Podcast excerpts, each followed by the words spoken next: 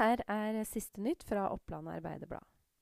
I en gourmetpølse med ramsløk fra Totenkjøtt dukket det opp en glassbit. En av dem som spiste av pølsa, skar seg i munnen.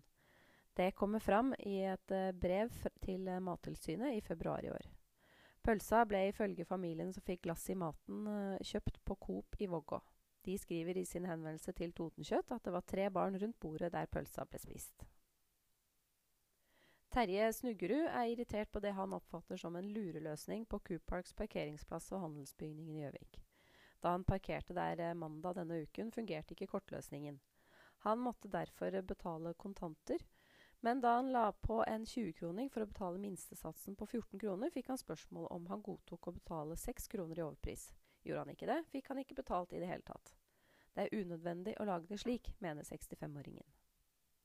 Og Natt til 16. mai var russen igjen ute og rullet. Det medførte en rekke klager fra personer til politiet på manglende nattero.